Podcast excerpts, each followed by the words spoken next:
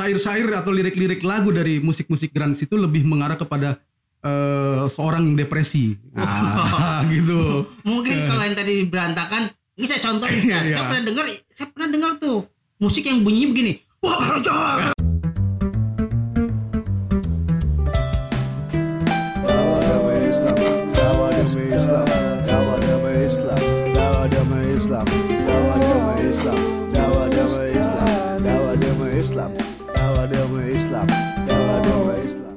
Assalamualaikum warahmatullahi wabarakatuh. Waalaikumsalam warahmatullahi Ya, Alhamdulillah, eh, sobat eh, Forum Mustanir. Eh, kali ini kita ketemu lagi eh, dalam podcast-podcast eh, yang seperti biasa. Alhamdulillah hari ini eh, Forum Mustanir kedatangan Ustadz muda. Ya, Kenapa saya katakan Ustadz muda? Emang ya kelihatannya masih muda. Nah, Forum Mustanir mengangkat Ustadz ini, ya kita punya eh, informasi bahwa Ustadz ini memiliki latar belakang yang yang mungkin kita enggak enggak berpikir bahwa seorang ustadz bekas mantan ya kan? Mantan apa? Ternyata mantan anak metal ya kan? Oleh sebab itu Forum Mustanir menarik ya kan? Kayak kita akan mengangkat nih kenapa kok anak metal bisa hijrah menjadi seorang ustadz ya kan? Kalau hijrah seperti orang biasa wajar ini seorang ustadz. Oleh sebab itu kita sudah kedatangan eh, tamu kita eh, dengan tema hari ini anak metal yang hijrah menjadi seorang ustadz. Assalamualaikum ustadz. Waalaikumsalam warahmatullahi wabarakatuh. Alhamdulillah. Syukron kasiran jazakallah ustadz mau ke sini. Nih. waalaikum. Ya, alhamdulillah. Eh, emang masih muda ya ustadz ya? Ya kalau dibilang muda, ya cukup ini ya baby face juga ya gitu. Tapi kalau emang dibilang tua ya itu dilihat pada umurnya ya memang sudah masuk eh, termasuk uzur juga gitu gitu ya uzur juga gitu artinya dalam artian ya sudah punya eh, buntut empat kan gitu istri baru satu kan gitu Nah, jadi eh, kalau dibilang muda ya secara mungkin secara face ya bisa dibilang muda Kalau saya lihat sih masih muda. Wah.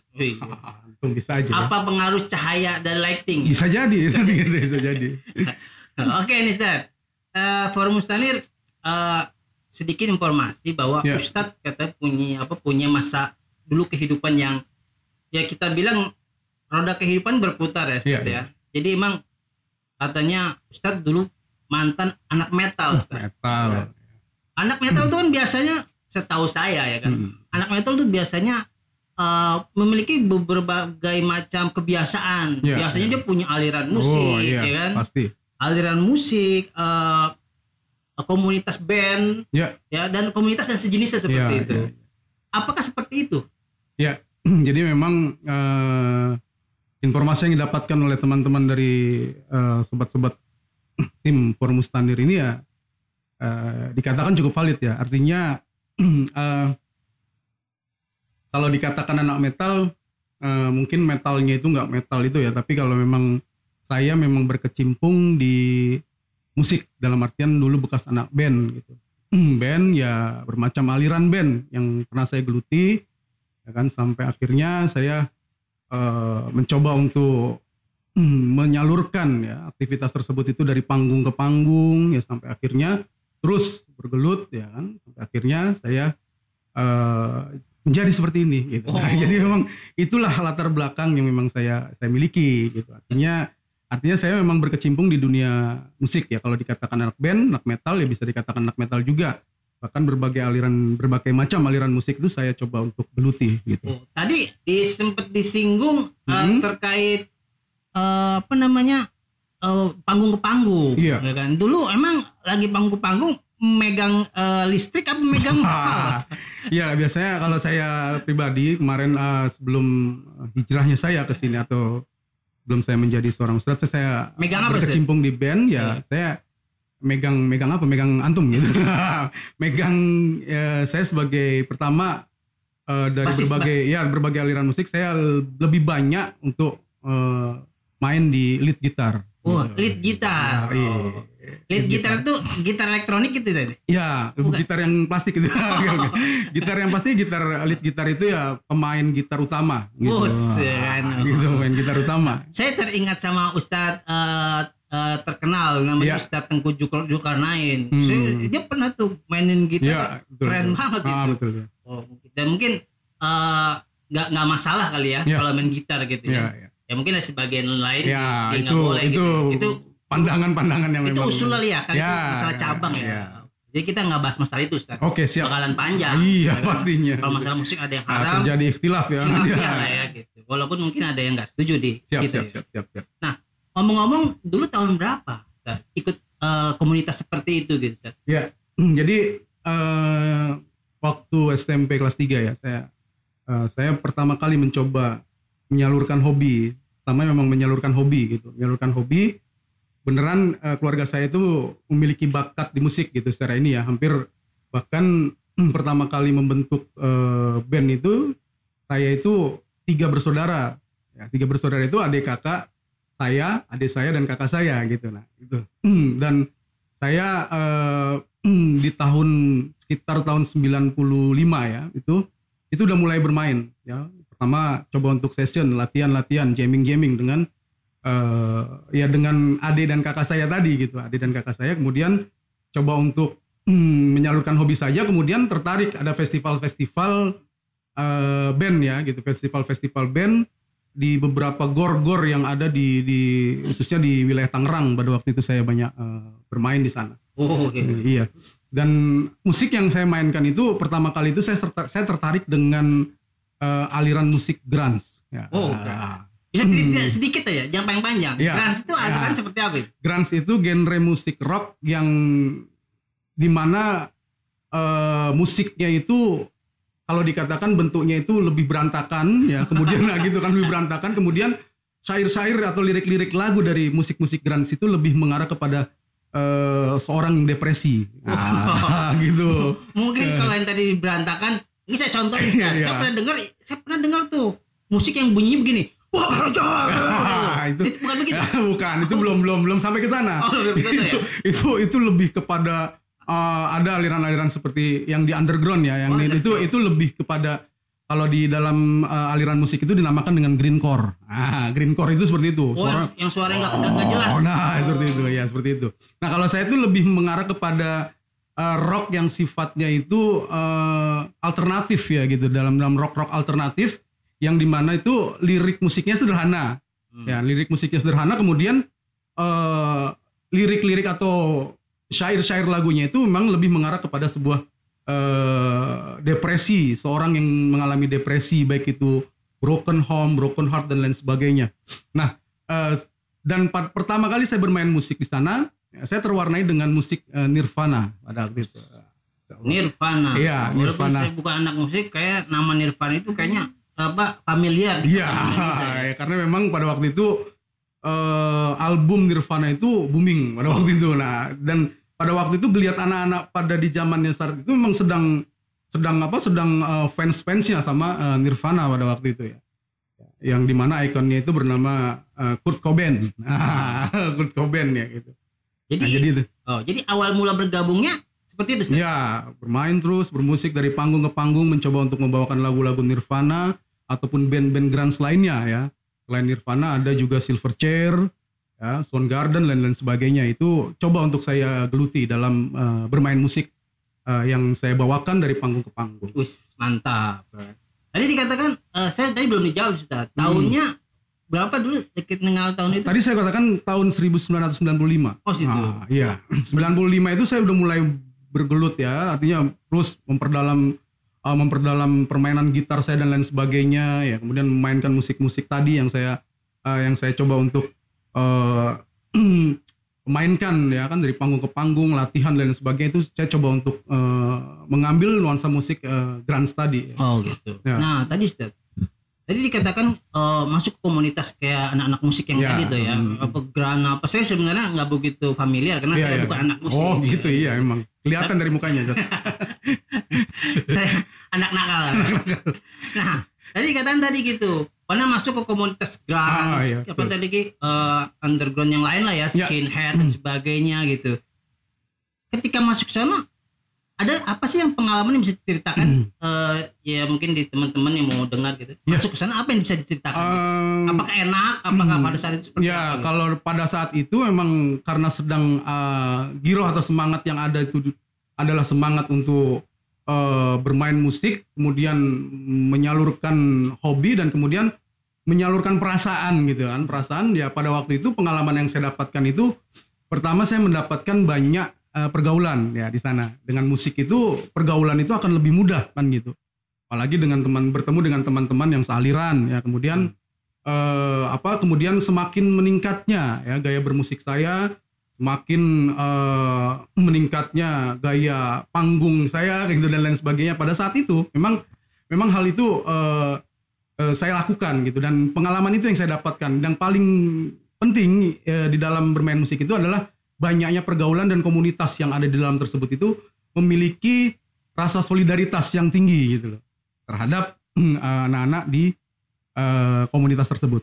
Nah, berarti kalau tadi disampaikan seperti itu, kira-kira banyak positifnya atau negatifnya pada Nah, saat itu? Kalau berbicara pada saat itu, Iya. kayak yang namanya eh, pada waktu itu masih eh, masih menyalurkan hobi ya dan dan semangat keremajaan dan kemudahan saya pada waktu itu memang ter, terwarnai dengan musik dan terwarnai dengan dengan dengan eh, aliran-aliran yang pada waktu itu ya nilai positifnya itu ya ada dari sisi eh, bertambahnya skill saya dalam bermusik. Ya, Hmm. ya itu nilai positif. Ya kemudian eh, rasa solidaritas saya itu muncul ya di antara para komunitas teman-teman yang ada gitu.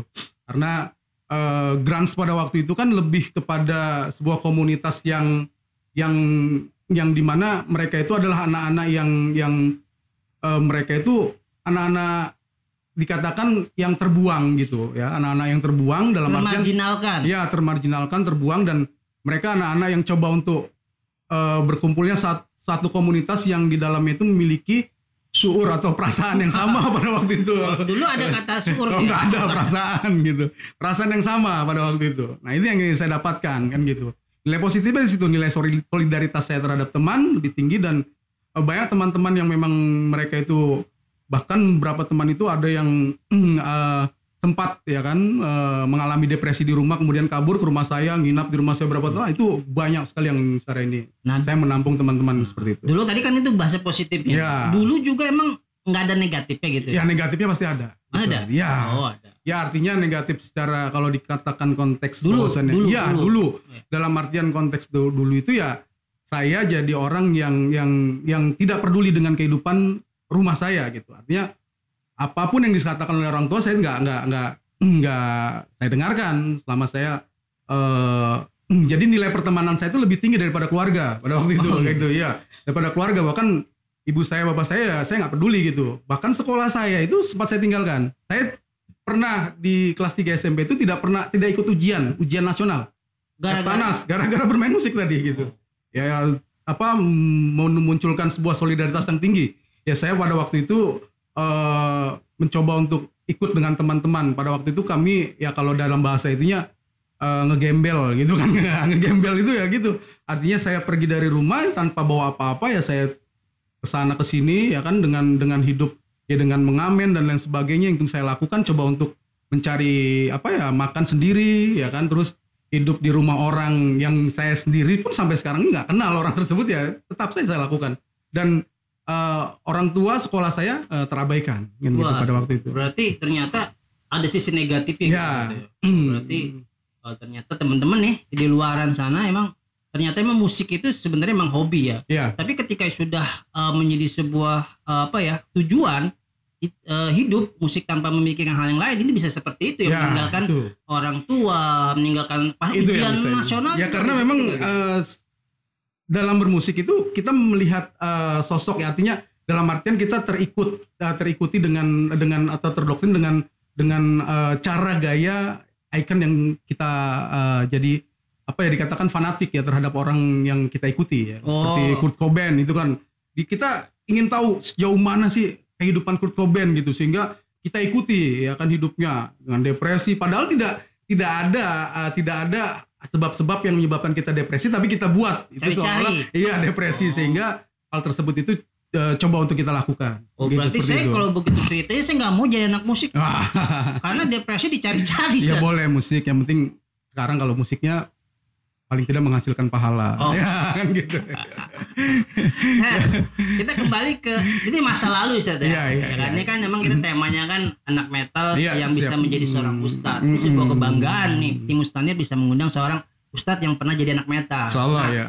Dulu akhirnya berhenti kan Ustadz ya. Iya. Nah, berhenti dari aliran-aliran tadi yang tadi disebutin. Ah, saya nggak tahu pokoknya yang grang, yang skinhead, saya nggak ngerti dah begituan dah. Hmm. Nah, itu dulu disebabkan kenapa? Apa karena ada apa? Saya juga bingung nih. Bisa pindah apa bisa berhenti di situ itu bisa diceritakan ya? Kenapa Titik alasan? jenuh, Ustaz. Wah, titik jenuh. Iya, Maksud titik, jenuh. itu bisa di tinggal Ya artinya gini, artinya eh, setiap apa yang kita lakukan di saat kita tidak mempunyai tujuan yang yang yang di mana tujuannya tersebut itu dapat kita rasakan dan kita hasilkan sampai akhirnya kita itu eh, menemui eh, rasa jenuh terhadap perbuatan-perbuatan yang yang satu sisi tidak bermanfaat bagi kita, sisi lain juga tidak bermanfaat bagi eh, orang pada umumnya kan gitu. Artinya eh, dulu ya dari SMP ya saya coba untuk terus ya bergelut di dunia musik sampai akhirnya saya dari grunge sampai pindah ke eh, ke punk ya dulu teman-teman ikut dengan komunitas punk walaupun nggak begitu lama sampai akhirnya saya ikut dengan teman-teman yang lain eh, dalam sebuah forum eh, memainkan apa aliran musik yang berbeda gitu dengan komunitas yang berbeda pula pastinya kan gitu ya terakhir saya eh, bermain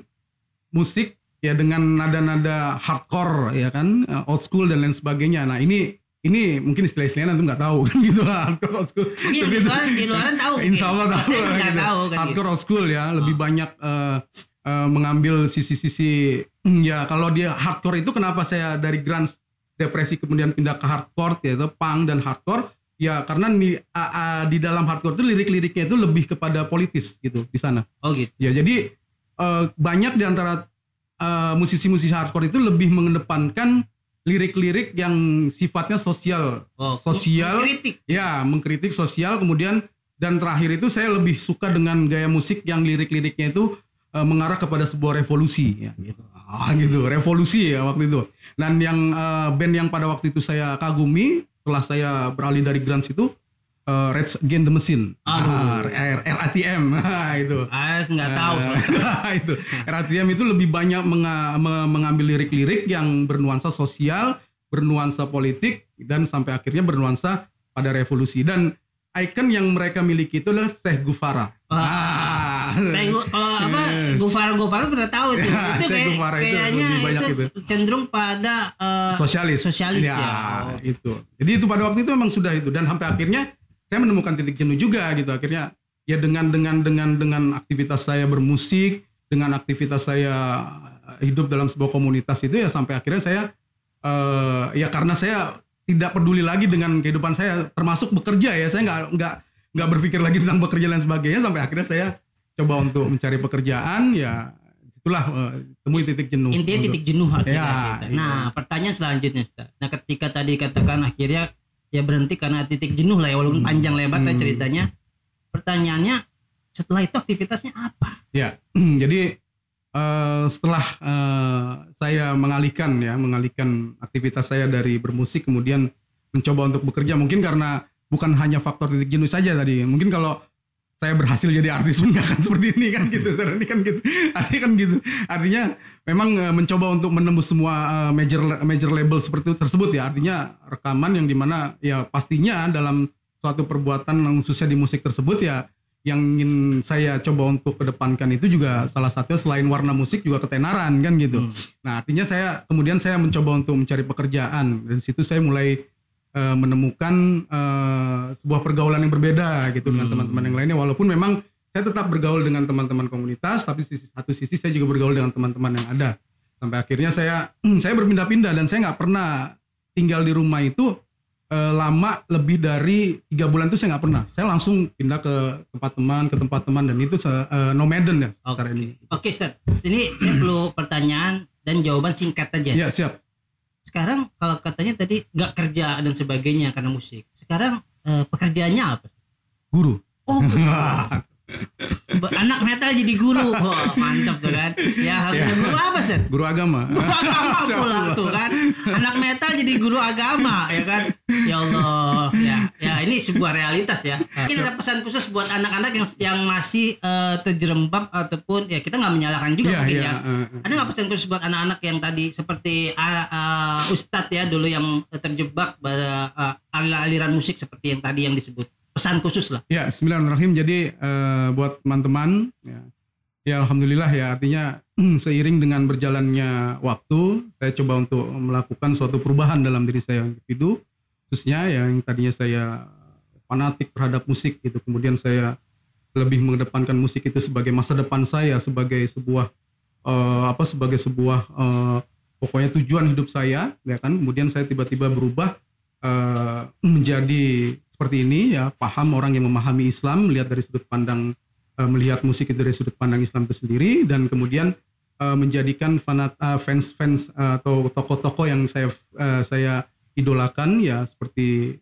yang tadi saya sebutkan itu itu eh, adalah hal yang yang yang tidak eh, seharusnya kita lakukan sebagai seorang muslim ya gitu.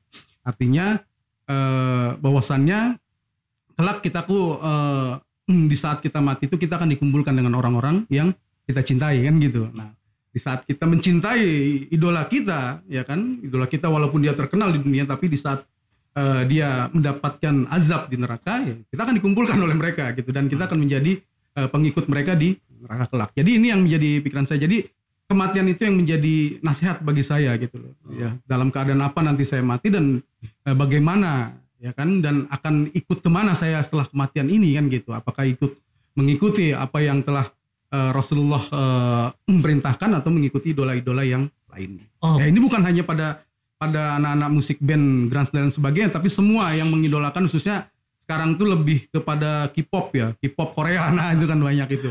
Nah itu lebih baik hal seperti itu nggak usah lah di, di ini. Artinya eh, itu akan menyebabkan kita itu keras hati gitu Ah. loh. Ya, jadi dengan dengan dengan kita itu menjadi fanatik fanatik terhadap suatu permasalahan, menyukai terhadap suatu perkara, ya misalkan itu musik ataupun idola-idola dalam dalam musik itu, itu akan memberikan eh, apa ya kerasnya hati kita gitu untuk menerima nasihat-nasihat yang datangnya dari eh, Islam itu sendiri. Oke, alhamdulillah Ustaz. Ya, Kayaknya insyaallah. kita udah di ujung uh, alhamdulillah, kali ini, alhamdulillah, Ustaz. alhamdulillah, alhamdulillah. Mungkin uh, kita cukup Ustaz. Ya, Ya, insyaallah. Oke, Ah, mungkin baik. saya uh, pertama uh, alhamdulillah nih sudah mau mampir di Forum Mustanir. Ya. Dan Semoga ini bukan pertemuan pertama kita Insyaallah, bisa insyaallah, lebih ya. uh, diskusi hal-hal yang Ya. Oke, saya tutup uh, podcast pada hari ini dengan ucapan Assalamualaikum warahmatullahi wabarakatuh. Waalaikumsalam warahmatullahi wabarakatuh.